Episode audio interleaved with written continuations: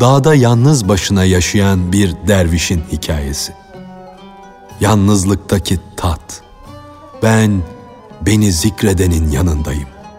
Onunla beraber dururum. Benimle uzlaşanla uzlaşırım. Kutsi hadisinin açıklanması için Hz. Mevlana şu rübai beyitini almış. Her şeyle olsan da bensiz olunca her şeyden mahrumsun. Eğer hiçbir şeyin olmasa benimle olunca her şeysin. Yani her şey senindir.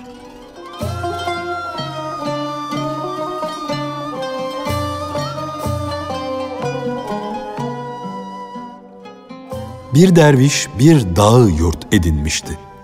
Yanında hiç kimse yoktu. Yalnızlık onun arkadaşı, en yakın dostu olmuştu da ondan hiç ayrılmıyordu. Onunla beraber yatıyor, onunla beraber kalkıyordu. Allah tarafından ona manevi nimetler ihsan edildiği, sevgi şarabı sunulduğu için o, erkeklerin de, kadınların da sözlerinden bezmişti, usanmıştı. Dervişin bulunduğu dağda ağaçlar vardı, meyveler vardı, sayısız dağ armutları vardı. O derviş, Ya Rabbi, sana ahdim olsun, sana söz veriyorum ki ben bu meyvelerden toplamayacağım. Rüzgarın düşürdüğü meyvelerden başka ağaçlardan meyve koparmayacağım. Kaza ve kaderin imtihanları gelinceye kadar derviş ahdine vefa gösterdi, sözünde durdu. Beş gün rüzgar armut düşürmedi. Dervişin de açlık ateşinden sabrı tükendi. Bir dalın ucunda birkaç armut gördü. Yine sabretti, kendini geri çekti. Bir aralık rüzgar esti, dalı aşağı doğru eğdi. Bu hal dervişin nefsini uyandırdı, onları koparmaya zorladı. Açlık, zayıflık, kaza ve kaderin kuvvetli çekişi Zahid'i ahdine vefasız bir hale soktu. Armut dalından armutları koparınca ahdini, nezrini, kendi kendine verdiği sözü unutmuş oldu. Fakat o anda Cenab-ı Hakk'ın onu edebe daveti görüldü. Sanki görünmez bir el onun gözlerini açtı, kulağını çekti. Oralarda yirmiden fazla hırsız vardı. Onlar çaldıkları şeyleri bölüşürlerdi. Birisi durumu Şihne'ye, polis müfettişine haber vermişti. Şihne'nin adamları hemen oraya üşüştüler. Orada yakaladıkları hırsızların hepsinin de sol ayakları ile sağ ellerini kestiler. Böylece bir gürültüdür koptu. Feryadı figan arşa yükseldi. Yanlışlıkla Zahid'in de eli kesildi. Ayağını kesecekleri sırada muhteşem bir atlı çıka geldi. Cellada, ''Ey köpek, yaptığın işe bak!'' diye bağırdı. Bu Allah'ın seçkin kullarından, Allah abdallarından filan şeyhtir. Onun elini ne diye kestin? Cellatlık eden bunu işitince üzüntüden elbisesini yırttı. Şıhne'nin yanına koşup durumu anlattı. Şıhne yalın ayak koşarak geldi ve Allah şahidimdir ki kim olduğunu bilmiyordum diye özür diledi. Ey kerem sahibi ve cennet ehlinin başı! Bu çirkin işten ötürü suçumu bağışla, bana hakkını helal et diye yalvardı. Şeyh dedi ki, ben bu başıma gelenin sebebini biliyorum ve kendi günahımı da tanıyorum. Ben Allah'ın adına ettiğim yemini bozdum. Onun adaleti de benim sağ elimi kestirdi. Ben kötü olduğunu bildiğim halde ahdimden döndüm. Bunun kötülüğü elime geldi. Ey şöhne! Bizim elimizde, ayağımızda, içimizde, dışımızda dostun hükmüne feda olsun. Elimin kesilmesi benim kaderimmiş. Hakkımı sana helal ediyorum. Bunu sen bilmeden yaptın. Bu işte senin suçun yok benim halimi bilen elimin kesilmesine ferman verendir. Onun emrine karşı gelecek kişi nerededir? Nice kuş vardır ki uçar, yem arar. Sonunda boğazı onun boğazının kesilmesine sebep olur. Dağda yalnız başına yaşayan Zahid'in de eli boğazı yüzünden. Yani ahdini verdiği sözü bozarak ağaçtan armut kopardığı için kesildi. Böyle olduğu için elini kestirenden şikayetçi olmadı. Halk arasında adı Şeyhi Akta, eli kesilen şeyh olarak kaldı. Boğazdan gelen afetler onu halka bu adla tanıttı. Birisi onu otlardan, sazlardan yapılmış bir gölgelikte ziyaret etti. Gelen kişi şeyhi iki eli ile zembil örerken gördü. Şeyh ona, ''Ey canımın düşmanı, yani ey istemediğim halde sırrıma vakıf olan kişi, dedi. Bu kuytu gölgeliğe neden seslenmeden, haber vermeden girdin? Neden izin almadan hemen yanıma geldin? Adam, fazla sevgimden, fazla özleyişimden deyince, şey gülümsedi de, peki dedi. Öyleyse gel. Fakat ey hak dostu, bu sırrı gizle. Sakın benim iki elimle zembil ördüğümü kimseye söyleme. Ben ölmedikçe bu sırrı ne bir eşine, dostuna, ne bir sevgiliye, ne de aşağılık bir adama söyleme. Ondan sonra başkaları da kulübenin penceresinden bakıp şeyhin iki elle zembil ördüğünü gördüler. Şeyh, Allah'ım bu işin hikmetini sen bilirsin dedi. Ben bu kerameti gizlemeye çalıştım, sen açığa çıkardın. Cenabı Hak'tan ona ilham geldi ki elinin kesilmesi işinde sana inanmayan birkaç kişi vardı. Senin için hak yolunda gösterişçi olduğu için Allah onu insanlara karşı rezil etti diyorlardı. Ben seni inkar edenlerin kafir olmalarını ve sapıklığa düşmelerini, kötü zanla kapılmalarını dilemem. Ben de şu kerametini açığa vurdum. Tek elli olduğun halde iş gördüğün zaman o sakat eli canlandırdım. Sen çalışırken iki el sahibi oldun. Böylece de o kötü zanla kapılan biçarelerin göklerden sürülmemelerini yani huzurumdan kovulmamalarını sağladım.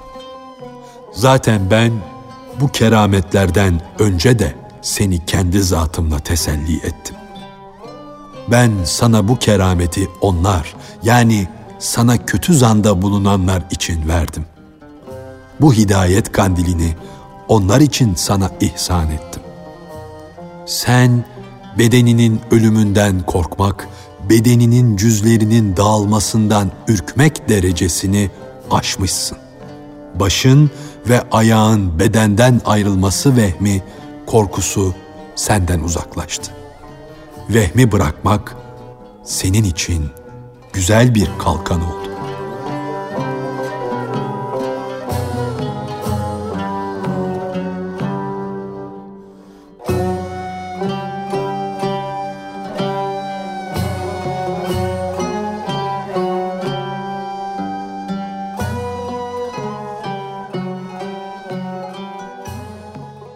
Eğer gönlünde göklere yükselmek isteği varsa, mana kanadını aç, yüksel.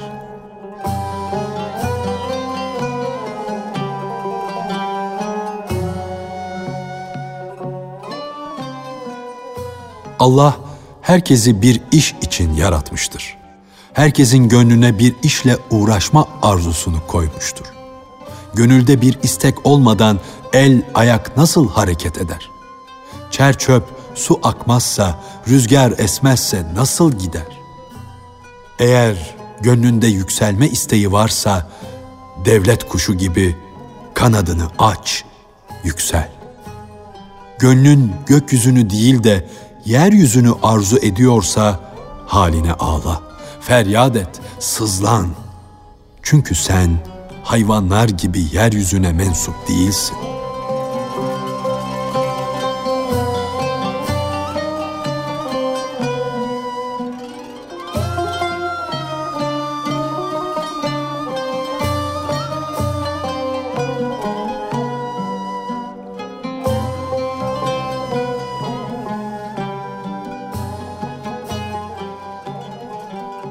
Sen işin sonunu başlangıcında gör.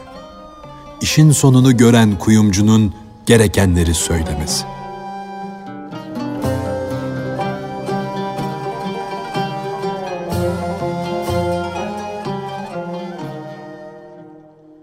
Akıllı kişiler önceden ağlarlar, bilgisizler ise işin sonunda başlarına vururlar, hayıflanırlar.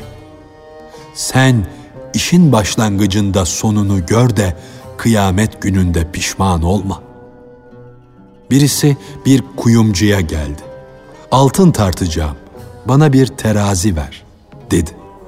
Kuyumcu, efendi yürü git, bende kalbur yok, dedi.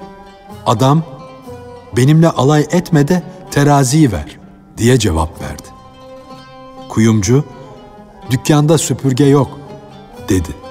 Adam, yeter, yeter artık alayı bırak, dedi. Benim istediğim teraziyi ver. Kendini sağır gösterme, her tarafa sıçrama. Yani manasız, rastgele konuşma.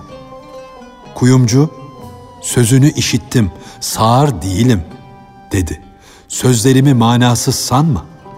Terazi istediğini duydum, işittim ama görüyorum ki sen eli ayağı titreyen bir ihtiyarsın. Bedenin zayıf, ellerin titriyor. Altının külçe halinde değil, ufak ufak kırıntılar halinde.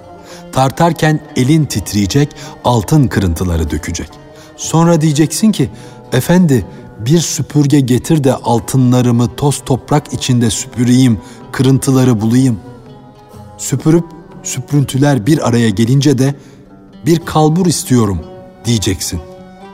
Ben işin sonunu önceden gördüm.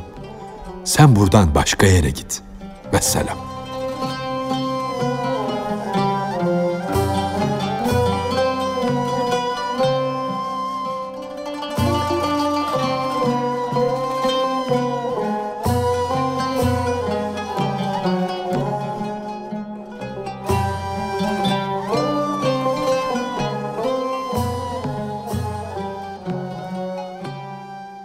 Her şey Hakk'ın takdiri ile olur. Kaza ve kader bağı gizlidir, görünmez.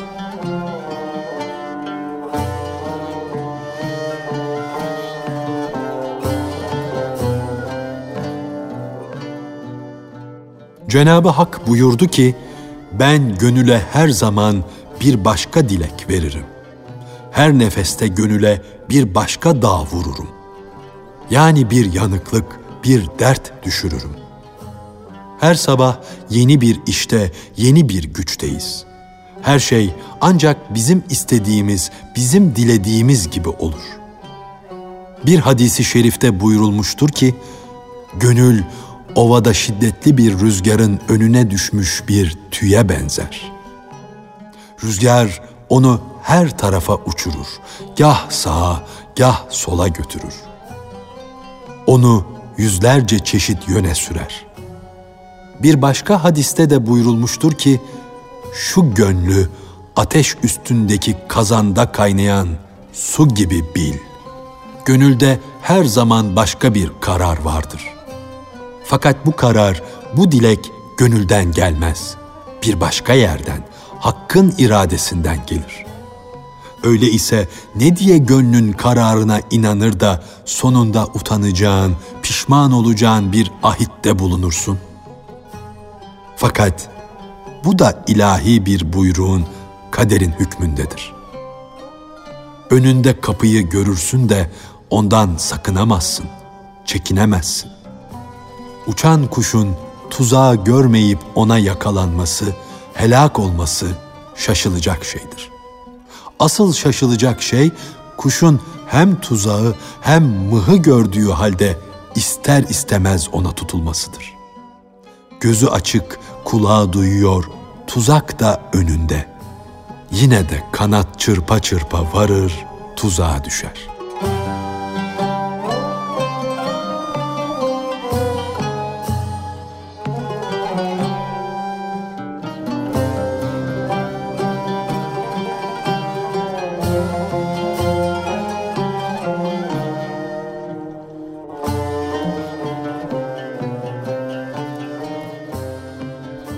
Kaza ve kader tuzağının eseriyle, belirtisiyle görünen, kendisi gizli olan bir şeye benzemesi.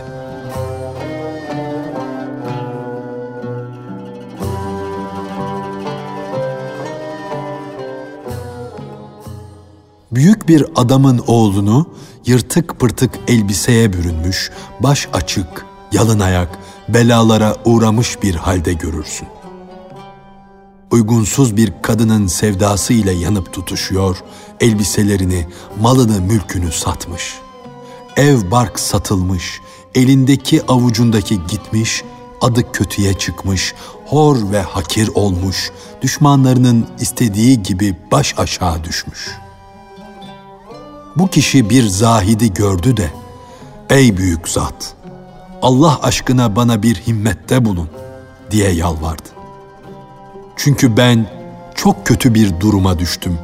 Malı, mülkü, nimeti elden kaçırdım. Bir himmette bulun da şu halden kurtulayım. İçine düştüğüm şu kara bela çamurundan sıçrayıp çıkayım. Halktan da, ermişlerden de şunu niyaz ediyorum. Beni kurtarın, beni kurtarın, beni kurtarın. Eli ayağı tutar halde ve bağlı değil, başında da kendini zorlayacak kimse yok. Hürriyeti elinden alınmış, demir zincire vurulmuş da değil. Bu kişi hangi bağdan kurtulmak istiyor? Hangi hapishaneden çıkmak arzusunda? Bu adam ilahi takdirin bağından, gizli kaza ve kader hapishanesinden çıkmak için çırpınıyor. Onun zavallı halini herkes anlayamaz.'' Tertemiz candan başka kimsecikler onun bileğindeki gizli kelepçeyi, ayağındaki zinciri göremez. O kaza ve kader bağı gizlidir, görünmez. Fakat bu görünmez bağ insanı mahveder, perişan eder. Bu yüzdendir ki bu hal zindandan daha beterdir. Çünkü bir demirci o demir zinciri kırabilir, birisi tünel kazarak zindandan kaçabilir. Ne şaşılacak şeydir ki kaza ve kaderin bu gizli bağını demirciler bile kıramaz, aciz kalır. O gizli bağı ancak Hazreti Ahmet sallallahu aleyhi ve sellem görebilir de boynunda hurma lifinden bir ip var buyurur. Ebu Leheb'in karısının sırtında odun dengini gördü de ona odun hamalı kadın diye buyurdu.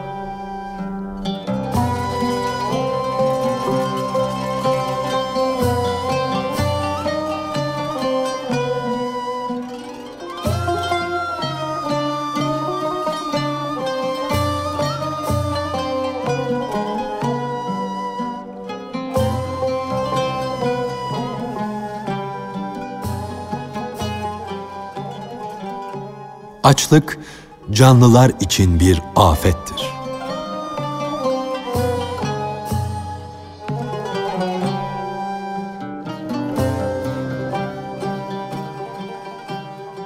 Nice kuş vardır ki açlığının yüzünden dam kıyısında kafes içinde mahpustur. Nice balık vardır ki su içinde emandadır. Boğazının hırsı yüzünden oltaya takılır, avlanır nice namuslu kadın vardır ki boğazının ve aşağı duygularının etkisi altında kalmıştır da rezil rüsva olmuştur. Nice iyi huylu, bilgili kadı vardır ki boğazı yüzünden rüşvet almış, lekelendiği için yüzü sararmıştır. Harut ile Marut bile o şehvet şarabını içmişler, o şarap yüzünden göklerin kapısı onlara kapandı da artık göklere yükselemediler.'' Bayezid-i Bestami namaz kılmak hususunda kendisinde bir isteksizlik görünce boğaz derdinden kaçındı. O çok akıllı, çok arif veli, namaza karşı duyduğu isteksizliğin sebebini düşündü, bunu fazla su içmekte buldu. Madem ki beni namazdan alıkoyuyor, bir sene su içmeyeyim diye ahdetti ve öyle yaptı. Allah da ona bu hususta sabır ve tahammül ihsan etti. Onun bu önemsiz gayreti, çabası din içindi. O yüzden de manevi sultan oldu, ariflere kutup kesildi.